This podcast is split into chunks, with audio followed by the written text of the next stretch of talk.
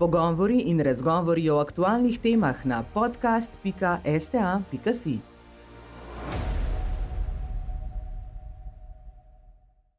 Spoštovane in spoštovani, lepo pozdravljeni na spletni okrogli mizi STA kluba, kjer se danes posvečamo svetovnemu dnevu imunizacije, ki poteka vsako leto zadnji teden aprila. Spletni pogovor danes nosi naslov Cepiva so ključnega pomena za posameznika in družbo in seveda poteka v živo in vsi gledalci lahko svoje vprašanja posredujete tudi na elektronski naslov sta.klub.afna.sta.si. Svetovni teden imunizacije letos poteka pod geslom Cepiva zbližujejo in je namen, namenjen spodbujanju uporabe cepiv za zaščito ljudi vseh starosti pred različnimi boleznimi. Govorci bodo danes v diskusiji naslovili pomen tudi vlogo cepiv, tako za posameznika kot družbo. Seveda se bomo dotaknili aktualnega cepljenja proti COVID-19 in predvsem vprašanju kolektivne imunosti. Zelo me veseli, da so si za pogovor danes vzeli čas, naslednji sogovorniki. Dober dan, Denis Baš, specialist pediater. Z nami so tudi docent doktorica Tatjana Lejko Zupanc, predstojnica Klinike za infekcijske bolezni in vročinska stanja v UKC Ljubljana, lepo pozdravljeni. Pa gospa Mojca Gobec, vodja sektorja za preprečevanje bolezni in poškodb na Ministrstvu za zdravje ter gospod Zoran Simonovič, epidemiolog in predstojnik območne enote NIJZ Maribor, lep dober dan želim tudi na štajerski konec. In začela bova prav midva. Gospod Simonovič, današnji dogodek je namenjen ozaveščanju o imunizaciji ob svetovnem tednu imunizacije, zato mogoče najprej pojasniva, kaj imunizacija pomeni, kaj pomeni aktivna, kaj pomeni pasivna imunizacija. lep dober dan vsem skupaj, ja, z imunizacijo pravzaprav razumemo vzpostavitev imunske zaščite posameznika pred določenimi povzročitelji nalezljivih bolezni. In to imunsko zaščito nas lahko dosežemo pravzaprav preko aktivnega cepljenja, takrat govorimo o aktivni imunizaciji, cepljenju, ko s cepivi sprožimo pri posamezniku imunski odgovor in zaščito potem pred specifično okužbo. Medtem ko pa pasivna imunizacija pa je pravzaprav postopek, kjer z aplikacijo recimo imunoglobulinov oziroma specifičnih protiteles pri posamezniku za določeno obdobje življenjskega, torej življenjske dobe teh preparatov posameznika zaščitimo pred specifičnimi oziroma splošnimi nekaterimi nalezljivimi boleznimi. Hvala lepa, naj bo to za uvod, da razumemo sploh to razliko. docent doktorica Lejko Zupanc, kaj je vloga cepiv, zakaj se cepimo? Da zmanjšamo nevarnost poteka bolezni, da zagotovimo, da bolezen ne bomo dobili in ali da bolezni tudi ne bomo prenašali? No, našteli ste pravzaprav skoraj glavne vse razloge, cepimo se predvsem proti tistim nalezljivim boleznim, ki so zelo kužne in kjer, če gre za neimuno populacijo, praviloma zbolijo skorajda vsi, ki so izpostavljeni temu infektivnemu mikroorganizmu. seveda je pa v vsaki populaciji vedno delež ljudi, ki bodo okužbo preboleli v težki obliki, s hudimi posledicami ali pa seveda nekateri tudi umrejo. vemo, da je pri nekaterih otroških boleznih bila smrtnost od majhnih otrok zelo velika, da naivne populacije, ki so prišle v stik z ošpicami, s črnimi kozami, da so masovno izumirale, skratka, cepiva imajo vse to, kar ste omenila. To, da posameznik ne zboli, da ne zboli s težko klinično sliko ali da ne doživi posledic bolezni oziroma da ne umre, in pa seveda, da ne prenašamo okužbe naprej.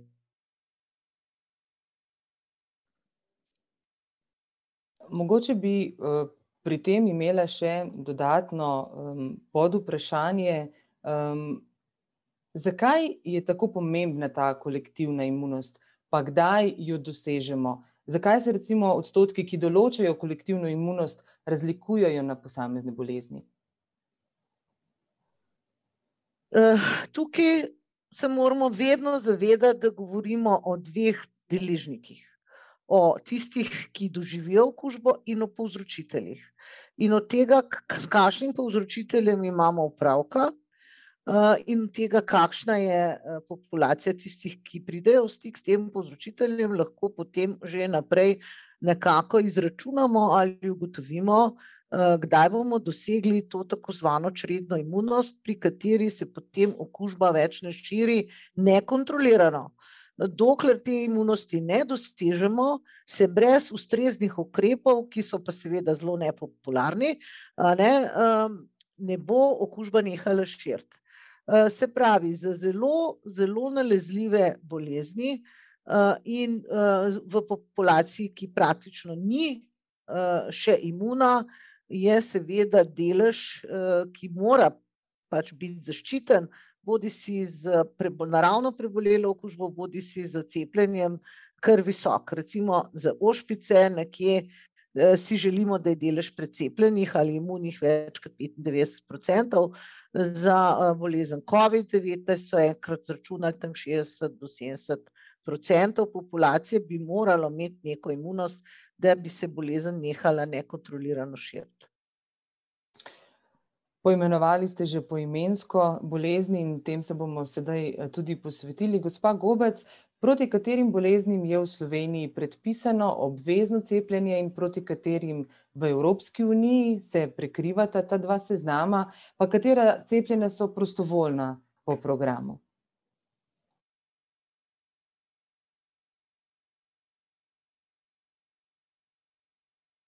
Gospa Gobec, še mikrofon, če vklopite, hvala lepa, ja, hvala. Lep pozdrav tudi z moje strani. torej Zakon o nalezljivih boleznih določa obvezna cepljenja proti hemofilusu influence B, davici, tetanusu, oslovskemu kašlju, otroški paralizi, ošpicam, mumpsu, rdečkam in hepatitisu B. V določenih okoliščinah so obvezna cepljenja, tudi proti steklini, rumeni mrzlici in še nekaterim drugim, cepivom. Seveda pa imamo tudi priporočena cepljenja, recimo cepljenje proti HPV-ju, cepljenje proti, rotavirusom in še nekatera druga. glede, tega vprašanja, kako, v Evropski uniji ali pa države članice imajo urejeno cepljenje, je seveda situacija različna. Tukaj ni poenotene, ni poenotenosti, je pa res, da večina držav, nima obveznega cepljenja, ampak ima pa zelo visoke stopnje precepljenosti proti tem boleznim. Res pa je tudi, da so vsaj v zadnjem desetletju, ko smo bili priča novim izbruhom in obširnim izbruhom predvsem ošpic, tudi začele države razmišljati o obveznosti tega cepljenja in nekatere so ga, tudi uvedle. Hvala lepa, kakšno pa je vzdušje, sprašujem sedaj kar v ambulanto, doktor Denis Baš, v zadnjem obdobju se te številke precepljenosti za osnovnimi, otroškimi boleznimi spreminjajo, s kakšnimi vprašanji se na vas, predvsem starši mogoče obračajo, ali si teh vprašanj želite več ali pridejo že prepričani starši o cepljenju, o necepljenju svojih otrok? Ja, lepo pozdravljeni tudi v imenu pediatrov. Zdaj, teh vprašanj je v zadnjih, bom rekel, letih, res kar veliko, predvsem je vzdušje v ambulantah, bom rekel, na splošno kar dobro. Se pa, zaradi predvsem, informacij, ki zelo hitro krožijo po spletu, in pa zdaj, bom rekel, predvsem tudi zaradi tega cepiva proti covidu, ki je praktično vsak dan, prva novica povsod, ne, so se pojavili določeni strahovi. Zdaj, če govorim o, cepljenjih v otroški populaciji, veste pač, da cepljenje proti covidu, za otroke, praktično ni možno, razen za starost od šestnajst let, če bi bili kronični bolniki. je, so vprašanja najpogosteje, ali je to cepljenje sploh potrebno mogoče, ker so določene bolezni, tako redke pri nas. ali je v bistvu to cepljenje varno ali ne preobremeni imunskega sistema. Se pravi, predvsem so vprašanja glede varnosti, učinkovitosti in potrebnosti tega. In tukaj uh, imamo v bistvu uh, dobre odgovore, ker uh, vsa ta cepiva, ki jih imamo, tako v obveznem, kot tudi priporočenem programu za otroke, so seveda uh, zelo preizkušena, so varna in uh, otroka res ščitijo uh, pred uh, temi boleznimi.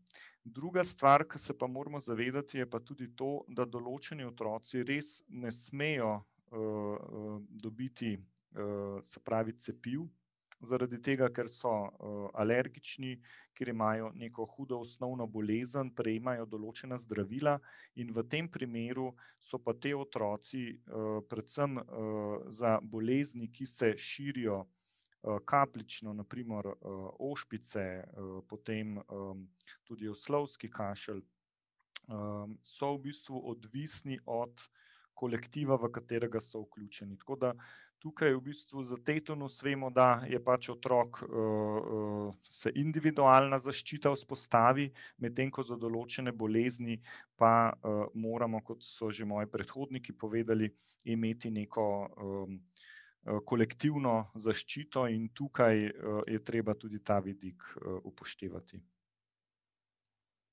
Starši, torej otrok, ki ne smejo biti cepljeni, oziroma za katere ni priporočljivo cepljenje, eh, drugače razmišljajo, verjetno, o pomenu kolektivne precepljenosti. Kaj svetujete v takem primeru, kako se lahko sploh ta najranljivejša skupina otrok zaščiti, kako eh, v bistvu lahko preventivno deluje v življenju? Je zdaj ena od pomembnih novosti, ki, jih, uh, ki jih je v bistvu Republika Slovenija uzakonila, je to, da uh, morajo biti vsi otroci pred vključitvijo v uh, kolektivno varstvo, v vrtce, obvezno precepljeni proti ošpicam, mumsu in rdečkam. Kljub temu, da imamo obvezno cepljenje, veste, kar smo uh, rekli proti devetim nalezljivim boleznim je bilo tu v praksi še vedno možno, da so bili otroci, ki iz najrazličnejših razlogov niso bili cepljeni proti tem uh, boleznim, so normalno hodili v vrtec. In zato je dobro, da če je, uh, se pravi, se starši ne, tudi pozanimajo, v kakšen vrtec gre otroka. Ne.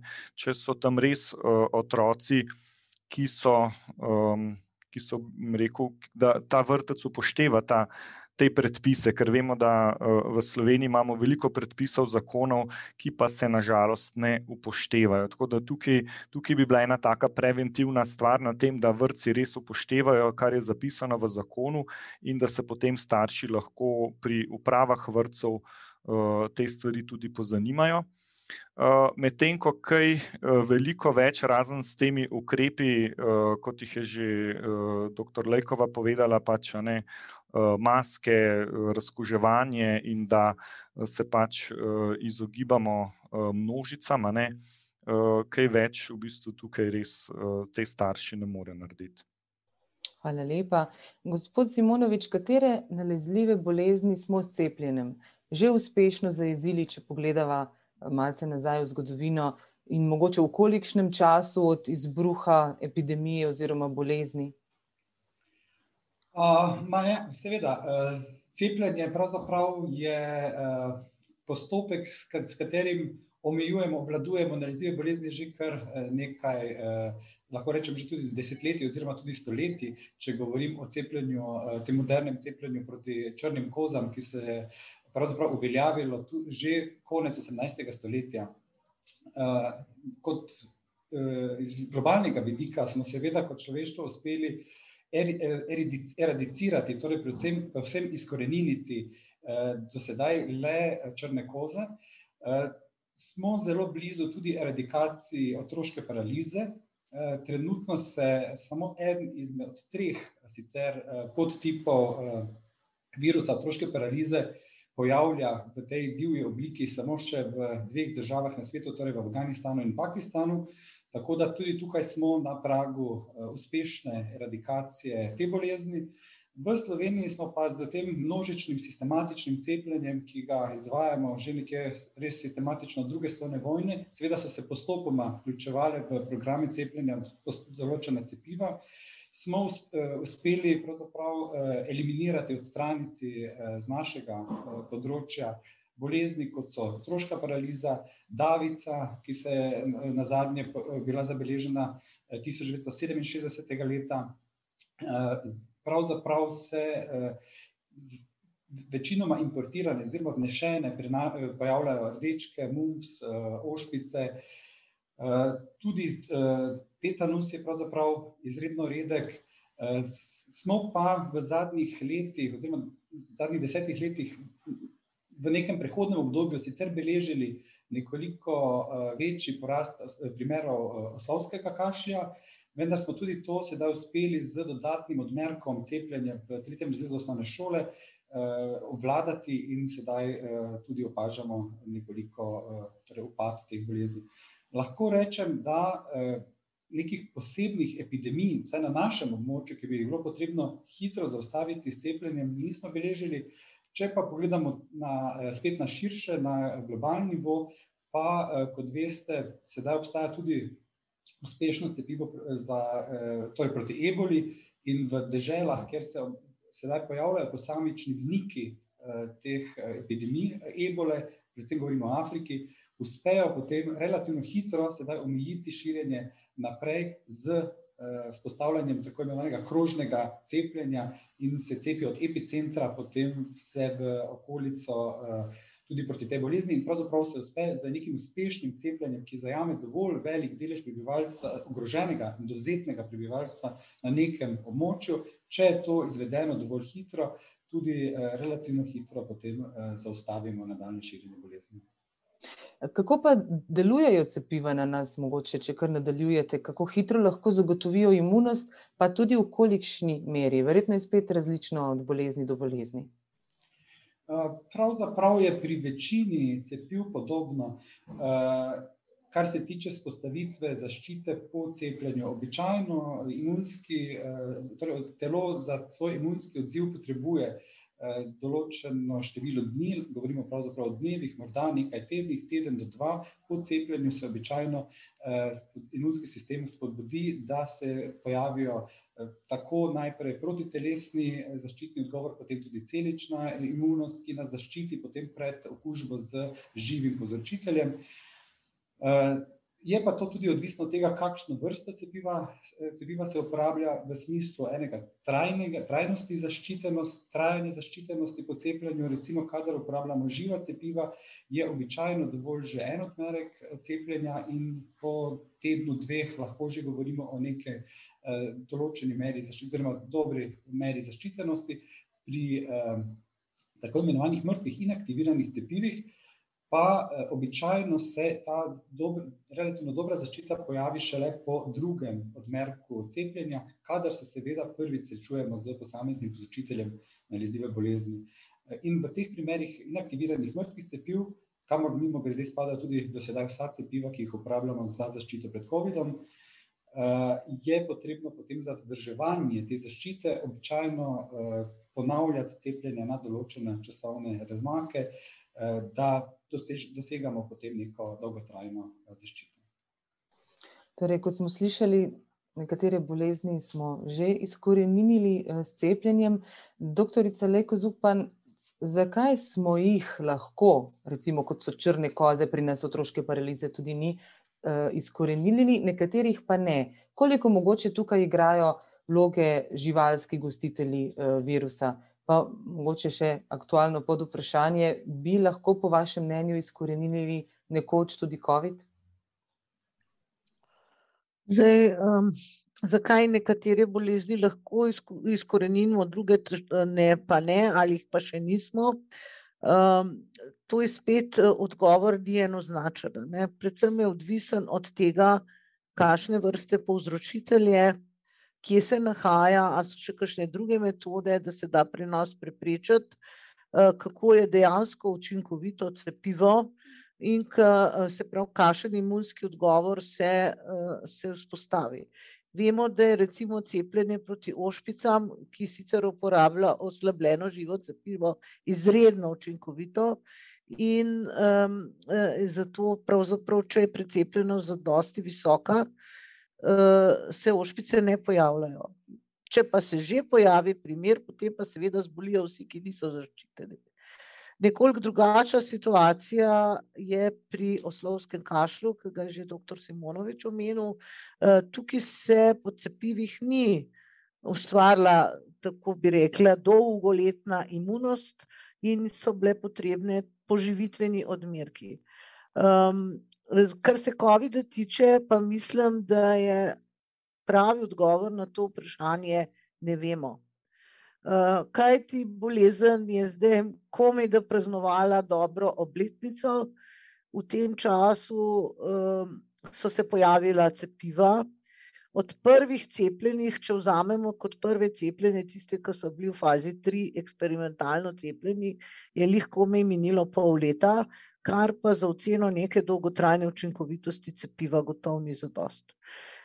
Če gledamo na ostale koronaviruse, domnevamo, da bo verjetno COVID ostal endemičen, tako kot ostali koronavirusi, in da bo verjetno, zelo verjetno, potrebno se ponovno cepiti, da bomo vzbudili imunost, ali pa če bomo preboleli v lažji obliki, pa bomo imeli dalj časa trajajočo pridobljeno imunost. Hvala lepa. Kar nekaj razprave je v tem trenutku o cepilnem potnem listu.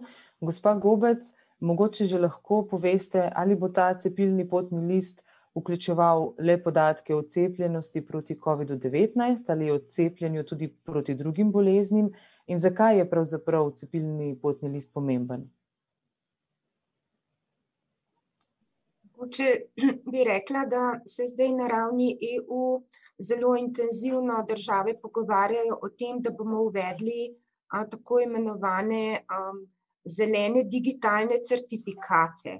A, mislim, da je to prav boljše poimenovanje, pa zelena digitalna potrdila, da je to boljše poimenovanje kot cepilni potni list. Ključni razlog za uvedbo ali pa namen je, da bi ta certifikat olajšal potovanja. Predvsem med državami, zato ker zdaj se seveda tisti, ki so cepljeni, recimo, lahko uvrščajo med izjeme v nekaterih državah, vendar pa vsak, ko potuje iz vsake države, pride s svojim papirjem in s svojim izkazom o tem. Torej, Evropa bo poenotila, dobili bomo potrdilo, digitalno, to pomeni neke vrste QR kodo na telefon ali pa v pisni obliki in sicer v treh primerih. Saj tako se dogovarjajo. Končna odločitev ni popolnoma sprejeta, bo pa verjetno blizu temu. Torej, ali smo bili cepljeni, ali smo preboleli COVID, ali smo pravili ustrezen test. In države so se dogovorile, kot sem rekla, edini namen, za katere se bodo priznavala ta potrdila digitalna, je za namen lažjega potovanja. Vsaka država lahko sama določi pogoje. Ne? In glede na to, da o tem, kako bo ravnala, kljub temu, da bo recimo nekdo prišel na njeno mejo za tem potrdilom, Kajti vedeti moramo, kot je bilo že rečeno, da pravzaprav smo soočeni še z nekaterimi negotovostmi, krožijo nove različice in morda se bo epidemiološka slika spremenila in bo seveda država lahko kljub temu potrdilu še vseeno uvedla nekatere omejitve, kot so recimo testi ali pa kaj podobnega.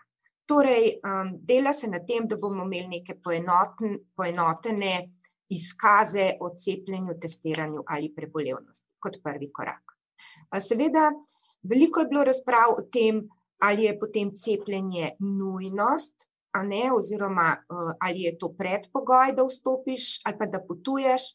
Temu ni tako, ampak seveda, če nisi cepljen, potem moraš izkazati um, se ali z testom ali pa s prebolevnostjo. Tako da pravzaprav so to možnosti, ki nam bodo olajšale potovanje. Ali že lahko, glede na razmere, v katerih smo že eno leto, odgovorite na vprašanje, če lahko pričakujemo v prihodnje obvezno cepljenje proti COVID-19 v Sloveniji. Na to vprašanje zelo težko odgovorim. Um, mislim, da um, je mogoče zdaj pred nami to, da uh, se čim bolj pocepimo, zato da vrnemo nazaj neke normalne rutine, da preprečimo prenose in bi potem razpravo o tem morda odložili, ko bomo um, bolj seznanjeni s situacijo, tudi um, v smislu, kot je govorila dr. Lejko, bolezen je le nova, um, ne vemo še vse o njej in tudi um, videli bomo, ali bo se ustalila, ali bomo imuni, ali, bomo, um, ali bo to postalo cepljenje, podobno kot je cepljenje proti gripi, dokončnih odgovorov v tem trenutku verjetno še nimamo in tudi razprave o tem vprašanju, ki ste ga, se mi zdi, da so nekoliko preuranjeni. Se pa seveda to vprašanje pojavlja, pa je eh, prav, da tudi eh, na nj eh, poskusimo odgovoriti. Doktor Baš, kako pandemija vpliva na cepljenje proti različnim boleznim, z izjemo COVID-19 v Sloveniji? Kolikšen je mora biti upad, ga zaznate v vaši ambulanti in ali lahko zaradi manjšega števila cepljen bolezni pričakujemo večje izbruhe drugih bolezni mogoče.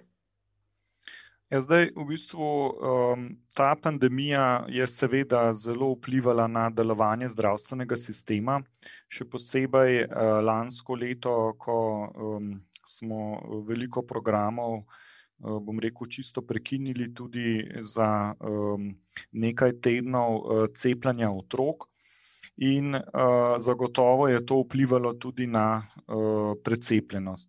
Zdaj, v bistvu, preliminarni podatki za uh, leto 2019-2020, če pogledamo uh, cepljenja, uh, predvsem šolskih otrok, so pokazali, da naprimer pri uh, cepljenju z drugim odmerkom proti ošpicam, mumsu, rdečkam smo. Bili uh, smo padli na 91 odstotkov, Eh, prej so bili ti odstotki tam 93, pa pol 94, 95. Podobno tudi pri uh, revakcinaciji v tretjem razredu, uh, ko, za, uh, ko gre za cepljenje proti oslovskemu kašlju, tetanusu, davici, se pravi, tudi okoli 90 odstotkov je ta številka. Še večji upadec, padec pa je bil pri srednješolcih, če pogledamo cepljenje proti tetanusu v tretjem letniku srednje šole, vidimo, da je v bistvu to, ta delež padel pod 90 odstotkov, se pravi 87, pa pol so podatki. Uh, prejšnja leta, ko je pač zdravstveni sistem normalno deloval, je bila ta uh, precepljena 96 odstotkov. Po drugi strani pa, naprimer, uh, priporočeno cepljenje proti HPV. Uh, veste, da, so, da imamo to um, dekleta v šestem razredu, in kasneje, če se nacepljajo tudi zamudnice. Smo bili uh, vsa ta leta okoli 60 odstotkov, in v bistvu tukaj, tukaj uh, bi rekli, da če ne bi bilo COVID, da bi zagotovo nam ta precepljenost uh, porasla, ker vidimo trend naraščanja. Kar se tiče predšolskih cepljenj, se pravi v obdobju. Um, prvega leta smo te preglede v veliki meri in cepljenja tudi izvajali, tako da na tem področju ni tako velikega upada. Moram pa reči, da, smo, da so kolegi. Uh, širom Slovenije se zelo um, organizirali, trudili, tako da so uh, bile ponekod tudi, um, se pravi, ambulante ob sobotah, in da uh, se ta um, Um, zamuda uh, nadoknadila, in da bo to uh, potem vid, uh, vidno tudi v teh podatkih za um, letošnje leto, ker vedno pač spremljamo za eno leto nazaj. Tudi um, pediatri smo. Uh, sedaj v bistvu se zavedamo uh, tega in tega, teh težav, ne glede uh, cepljenja, in res uh, se zelo trudimo, in uh, bom rekel, da v zadnjih mesecih ne, uh, poteka to nemoteno. Hvala lepa. Še nekaj dodatnih podatkov uh, ima tudi uh, dr. Simonovič. tudi za otroke. Pa še mogoče pod vprašanje za vas, gospod Simonovič, kakšen je trend potem pri odraslih, kako pandemija vpliva na cepljenje proti različnim boleznim pri odrasli populaciji. Ja, tukaj bi se najprej torej navezal na to, kar je že dr. Baš izpostavil. Pravzaprav je dejansko eh, pri eh, cepljenju šolskih otrok bilo v predhodnem šolskem letu 2019-2020 zaznan rahel upad glede na predhodna šolska leta, vendar to pripisujemo predvsem temu zamiku sistematičnih pregledov, ki so bili eh, v lanskem letu v določenem obdobju zaustavljeni. Kar pa se tiče cepljenja predšolskih otrok, Pa tudi eh, potrjujem to, kar je kolega povedal, in sicer so eh, te zamude, ki so eventualno nastale v nekem obdobju, bile nadomeščene, in podatki so pravzaprav zelo torej, razveseljivi. Eh, glede na trende, ki smo jih sicer v Sloveniji opazovali, kar se tiče cepljenja predšolskih otrok, torej v starosti enega leta in potem proti ošpicam, mumsu in rdečkam, smo od leta 2013 pravzaprav opažali konstanten postopen upad vse do leta 2018.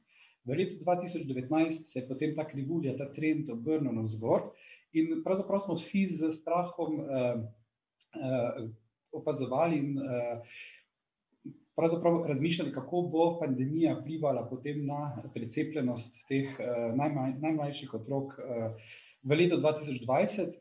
Podatki, ki jih seveda zbiramo na Nacionalnem inštitutu za javno zdravje, pa za leto 2020 pravzaprav kažejo, da je delež otrok, ki so prijeli obvezna cepljenja, še višji kot v letu 2019 kar pomeni, da se pravzaprav pri precepljenosti proti ošpicam, mumsu in rdečkam smo se res že približali tej eh, meji 95 odstotkov, ki si jo želimo za, za vzdrževanje kolektivne imunosti. Pri eh, cepljenju z ostalimi, eh, proti ostalim petim nalezljivim boleznim, s katerimi se cepijo dojenčki, pa je pravzaprav precepljenost celo nad 95 odstotkov. Še en zelo razveseljujoč podatek je eh, delež otrok, ki se cepijo z neobveznim priporočenim cepljenjem proti pneumokoknim okužbam. Eh, je bil, to, to cepljenje je bilo, je bilo uvedeno v program cepljenja leta 2015. Takrat se je samo 50 odstotkov staršev odločilo za izvedbo tega cepljenja. Eh, v letu 2019 je bil ta odstotek 65 odstoten, eh, v letu 2020 pa smo pravzaprav prišli že skoraj do 70 odstotne precepljenosti otrok proti pneumokoknim okužbam, kar nas izredno veseli. Če se samo še navežem na cepljenje pri odrasli populaciji, vemo, da za odrasle načeloma, predvsem smo pred nekaj leti uvedli cepljenje proti klopnemu meningoencefalitisu v programsko cepljenje, ki, torej, ki se um, krije iz sredstev obveznega zdravstvenega zavarovanja. Tukaj na teh segmentih lahko povem, da ne samo pri tej skupini, ampak tudi sicer pri samoplačniških cepljenjih, tudi v letošnjem letu, vsaj v naših ambulantah, ker izvajamo ta samoplačniška cepljenja, ugotavljamo uh, pravzaprav kar velik interes za cepljenje. Zelo podobno pa lahko rečem, da je bilo v letošnjem letu tudi za cepljenje uh, proti gripi uh, in vemo, da smo pravzaprav. Imeli uh, kar eh, veliko cepiva na razpolago, v letošnjem letu veliko več kot v preteklih letih, pa uh, je bila tudi ta želja po cepljenju se strani prebivalstva pravzaprav visoka in smo porabili vse cepivo, ki je bilo na voljo. Hvala lepa. Gospod Gobec, če pogledamo mogoče um, na sedanjost in bližnjo prihodnost, se v uh, slovenskem zdravstvenem sistemu glede cepljenja mogoče v bližnji prihodnosti kaj spreminja? Uh, um, se mogoče nagibamo še k kakšnemu obveznemu cepljenju, k kakšnemu dodatnemu subvencioniranemu cepljenju. Slišali smo v zadnjih letih uh, številne pozive, da bi recimo subvencionirali tudi uh, cepljenje uh, proti HPV, recimo za fantke oziroma fante. Ja, res je.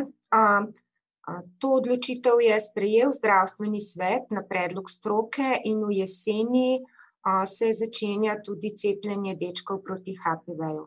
Rada bi povedala, da je to cepljenje res zelo pomembno, zato ker je pot k eradikaciji raka na materničnem vratu pri ženskah in seveda je naš cilj za naslednje desetletno obdobje doseči 90-odstotno precepljenost. Na ta način bi seveda zelo, zelo zmanjšani pojav tega raka, kar bi bil res zelo velik dosežek.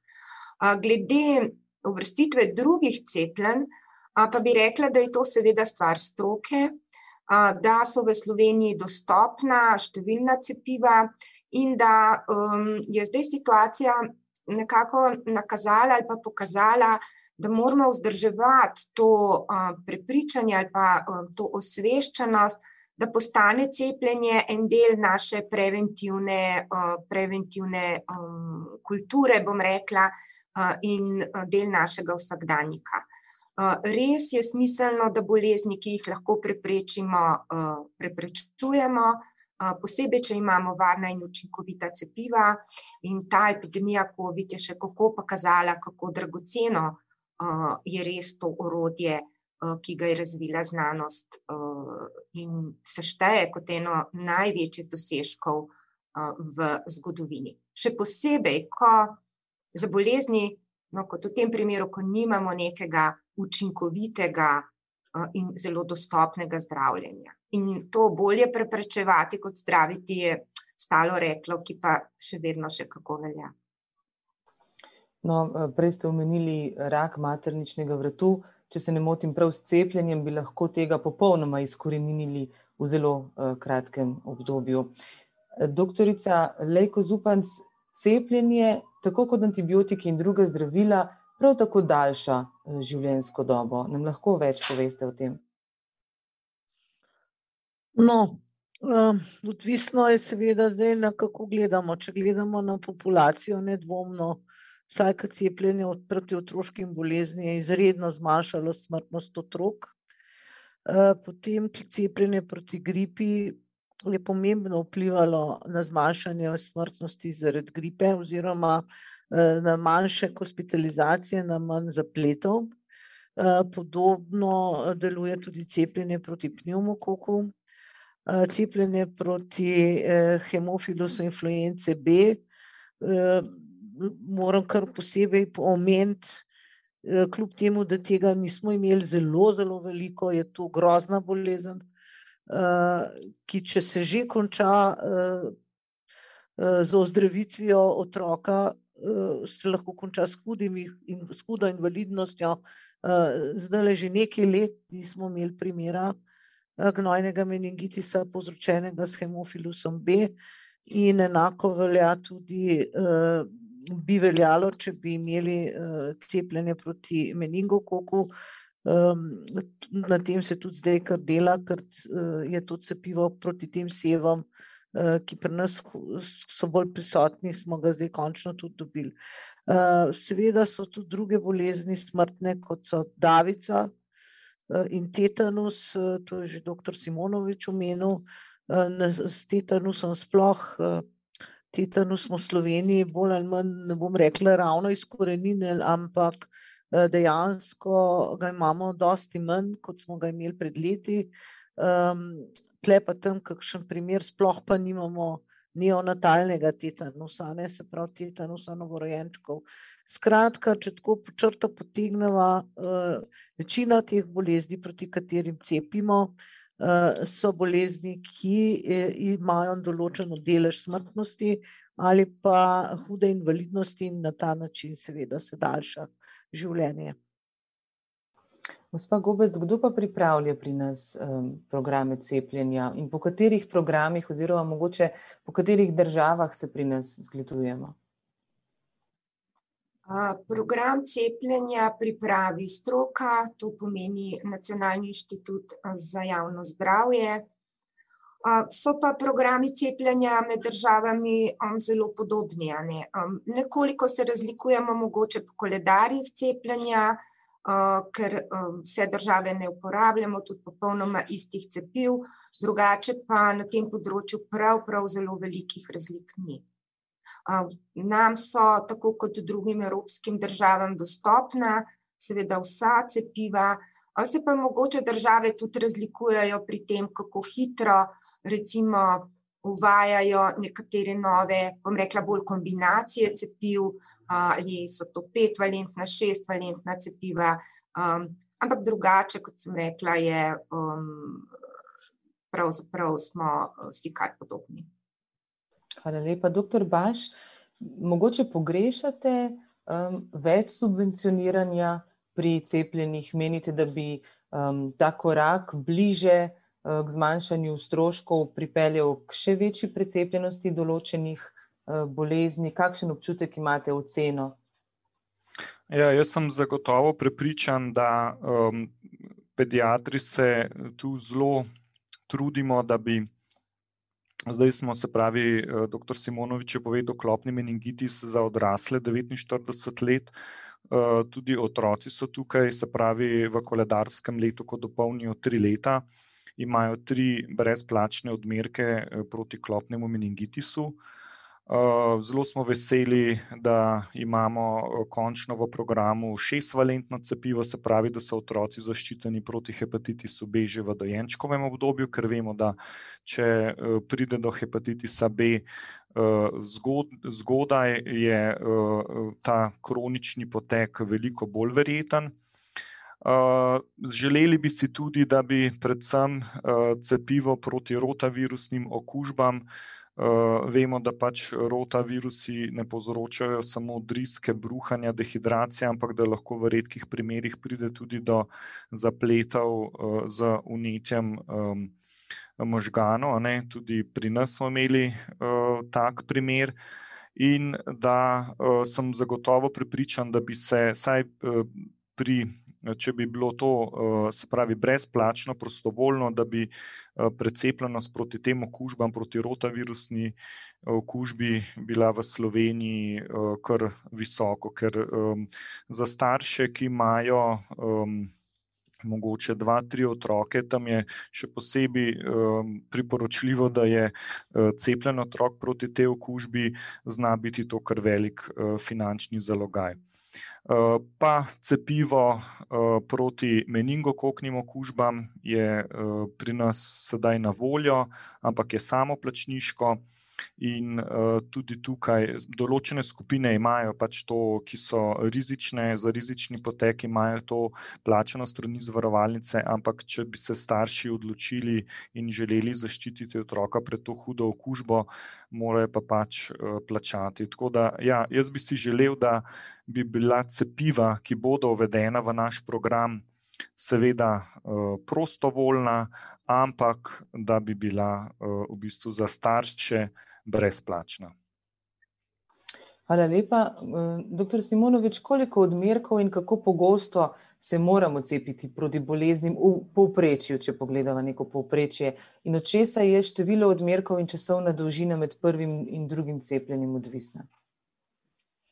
Ja, eh, kot sem pravzaprav že omenil v enem prejšnjem odgovoru, je to tudi odvisno predvsem od vrste eh, cepiva. Pri živih cepivih ker eh, se uporabljajo oslabljeni, živi povzročitelji nalezljive bolezni, ti običajno potem po cepljenju v telesu posnemajo naravno okužbo, zato je tudi običajno odgovor, imunski odgovor, ki se razvije po cepljenju, eh, dober, eh, zelo dober in pa tudi običajno dolgotrajen in nas zelo dolgo lahko potem ščiti pred okužbo z naravnim povzročiteljem bolezni. In v teh primerih je običajno dovolj tudi en odmerek cepljenja, ali pa potem, eh, recimo, kot je to pri ošpicah, ošpicah mumsu in rdečkam, ponovimo cepljenje še bolj eh, iz tega razloga, ne za samo, da osvežimo to zaščito, ampak da se zaščitijo tudi tisti posamezniki, ki v prvem cepljenju morda niso razvili ustrezne zaščite. Pri tako imenovanih mrtvih in aktiviranih cepivih pa eh, je potrebno, da spostavimo najprej to osnovno bazično imunost, imunski odgovor. To dosežemo običajno z enim oziroma dvema odmerkoma cepiva za vzdrževanje imunosti, pa ponavljamo potem cepljenja. Pri nekaterih cepivih je to eh, lahko samo en odmerek po, določenem, eh, po določenih mesecih, pri nekaterih pa je potrebno na vsakih nekaj let ponoviti eh, cepljenje in s tem spostaviti oziroma vzdrževati to zaščito in imunski odgovor za naprej. Hvala lepa. Uh, doktorica Leko Zupanc, zakaj se je dobro cepiti proti neki bolezni, zdaj imamo pač pred nami COVID-19, tudi če smo ga že preboleli? Ja, um, COVID-19 je v tem oziru nekoliko bolj poseben. Ne? Načeloma, recimo, če preboliš ošpice ali pa norice, um, si praktično celo življenje zaščiten. E, isto velja tudi za rdečke, uh, medtem ko pri COVID-u pa še ne vemo. Ne? Uh, vemo, da so možne ponovne okužbe, to je dokazano, niso pa prav zelo pogoste. To je tudi eden od razlogov, ker pri ostalih koronavirusih pa vemo, da se ne razvije trajna imunost in se kar vsako leto znova pojavljajo te koronavirusne okužbe, ki sicer niso tako hude kot je COVID, ampak tudi pri komu lahko povzročijo pljučnico. Zdaj, če, ma, če smemo kakšno analogijo potegniti s temi drugimi koronavirusi, potem se kakor lahko domnevamo, da uh, bo tudi za prebolevnike koristno, da se cepijo, ker verjetno tudi, če bodo bolezen preboleli, ne bodo uh, razvili trajne imunosti. Ampak, kot sem vam pa že prej rekla, tega še ne vemo. Eh, in zato, da smo bolj na varni strani, nekako priporočamo pri bolevnikom, ki pa za katere pa vemo, da imajo kar dosti krat izredno nizka, nizke titre proti telesu, s česar lahko seveda posredno sklepamo, da tudi zaščita ni ravno uh, najboljša. Hvala lepa za pojasnilo.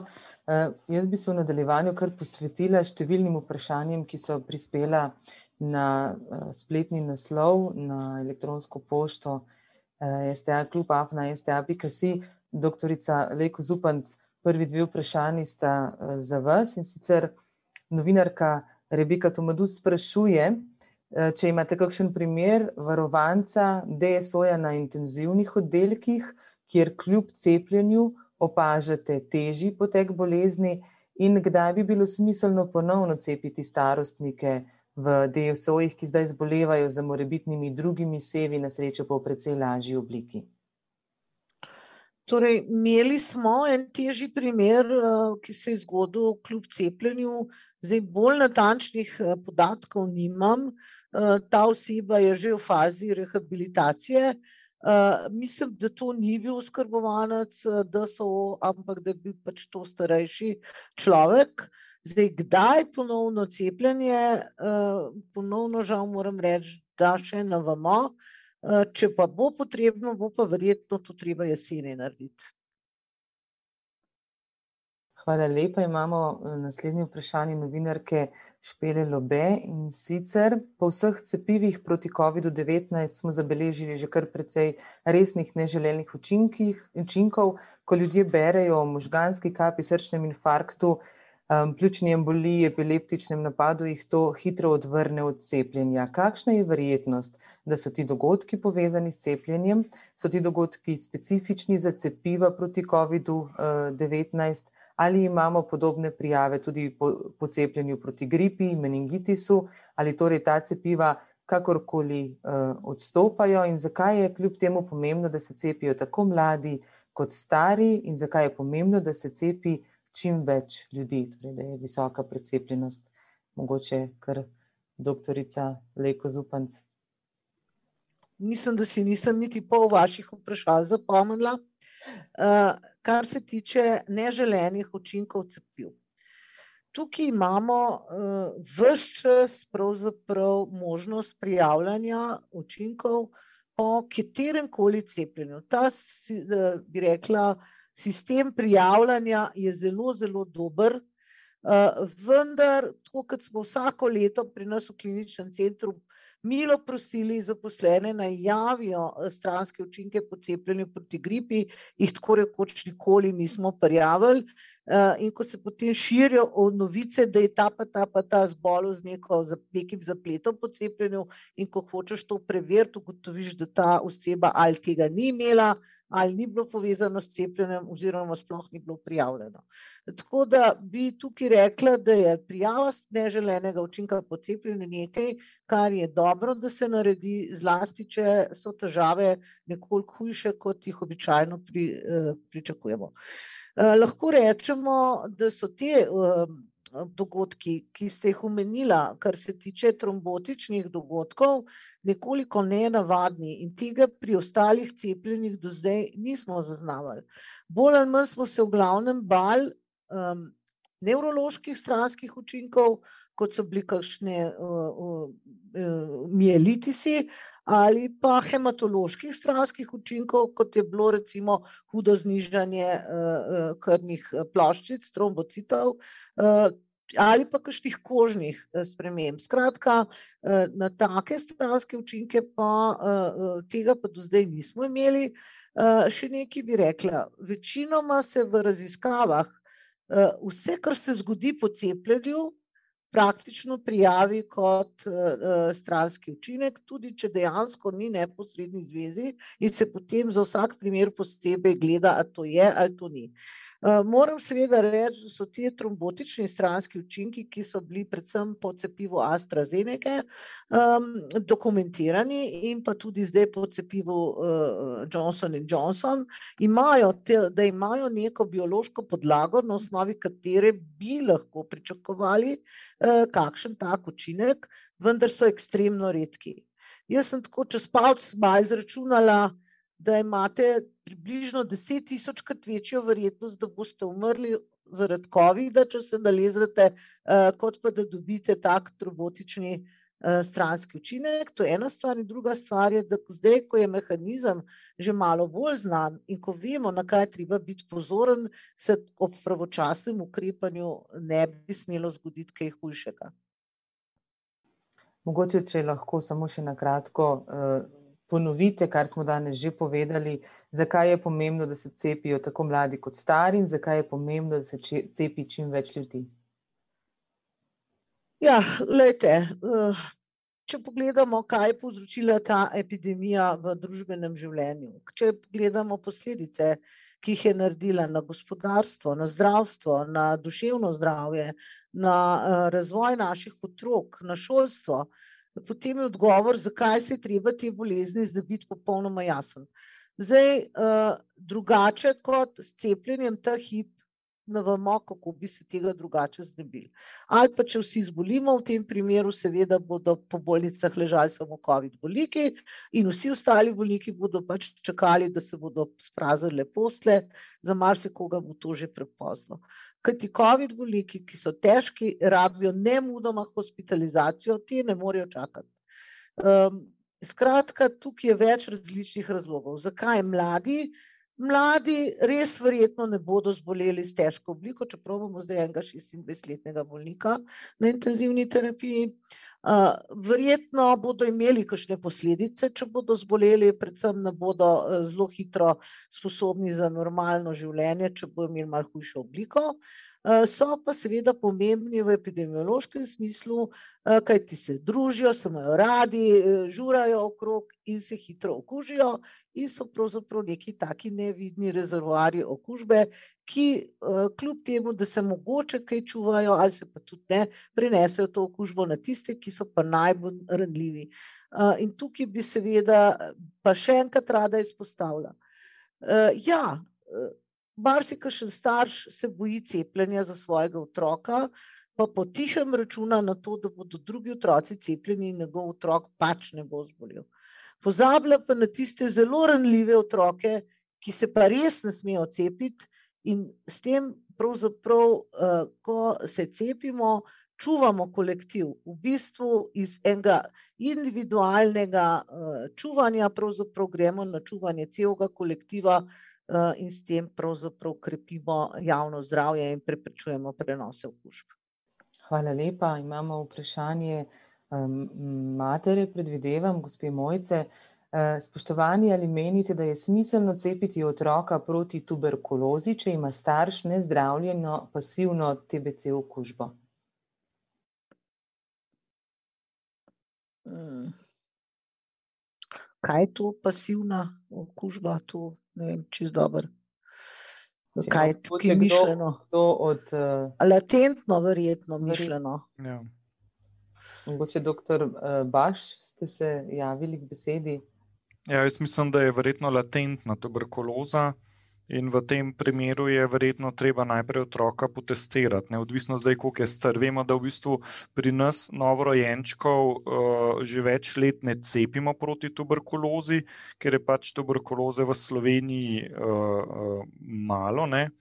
in da cepimo tiste, ki pridejo iz držav v zadnjih petih letih, kjer je tega več, se pravi, predvsem za teh držav bivše naše skupne države. Drugih, in um, tako da te vse cepimo, medtem ko ta primer je pa verjetno malo bolj kompleksen in bilo verjetno treba otroka potestirati in se potem uh, naprej uh, zmeniti. Hvala lepa. Imamo vprašanje gledalca Blaža, ki sprašuje, s koliko dozami je smiselno cepiti osebo, ki je že prebolela COVID-19, z eno ali z dvema. No, do pred kratkim smo uh, imeli navodila, da se tudi pribolevnike cepi z dvema odmerkoma, čeprav se je že kar nekaj časa govorilo, da naj bi bil zadosti en odmerek. Trenutna priporočila posvetovalne skupine so, da se cepi z enim odmerkom. Uh, ta priporočila pa tako kot vse v tej epidemiji sledijo na uh, sprotnem objavljanju rezultatov. Ne, uh, Kaj ti določene stvari pač rabijo svoj čas, ne, da vidimo, kako kaj deluje. Tako da jaz, glede na to, kar zdaj ta hip vemo, verjetno zadošča en odmerek. Ne morem pa garantirati, da se mogoče to priporočilo ne bo spet in ponovno spremenilo. Hvala lepa. Zdaj pa mogoče vprašanje za dr. Simonoviča. Kje je najboljši dostop do informacij o sestavinah cepiva? Poslušalka eh, Damjana sprašuje, če skrajšam eh, njeno vprašanje. Torej, eh, pravica prebivalcev do dostopa do informacij o sestavinah cepiva. Uh, ja, tako je. Glede, sestavine cepiva so pravzaprav javno objavljene.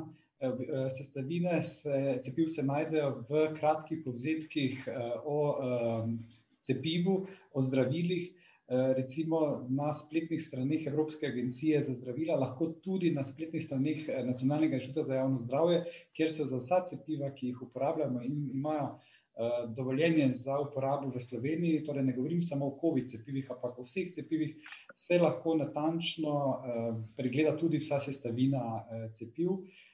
Tako da, kot rečeno, to ni neka posebna skrivnost ali pa Torej, vsi ljudje imajo dostop, hkrati pa lahko do tega kratkega povzetka o uh, cepivu oziroma zdravilu, uh, pravzaprav eh, starši otrok pridejo tudi pri uh, izbranem pediatru, ko ta izvede cepljenje. Doktor Baš. Ja, pediatri, v bistvu Združenje za pediatrijo, je izdelalo spletno stran cepljenje.info, kjer so v bistvu uh, poleg vseh teh cepiv, povzetkov, sestavin, tudi koristne informacije. Tako da um, to je zelo taka uh, dobra stran. Uh, še eno vprašanje, na katerega lahko uh, v bistvu vas več odgovori. Kaj se je zgodilo z naravno imunsko odpornostjo uh, človeka? Ali ukrepi, kot so nošenje mask, nenadzirano razkoževanje, odsotnost možnosti soočanja človeškega organizma, slabijo imunski sistem. Mogoče se lahko iz prakse odgovorim, kaj se je zgodilo, ko vse te ukrepe delamo. Število drugih respiratornih okužb nam je drastično padlo, kar je dobro. Gripe, tudi drugih, praktično RSV virusa, ki eh, vsako leto polni otroške oddelke bolnišnic, letos, bom rekel, ni. Tako da to se je zgodilo, kar se tiče naravne imunosti.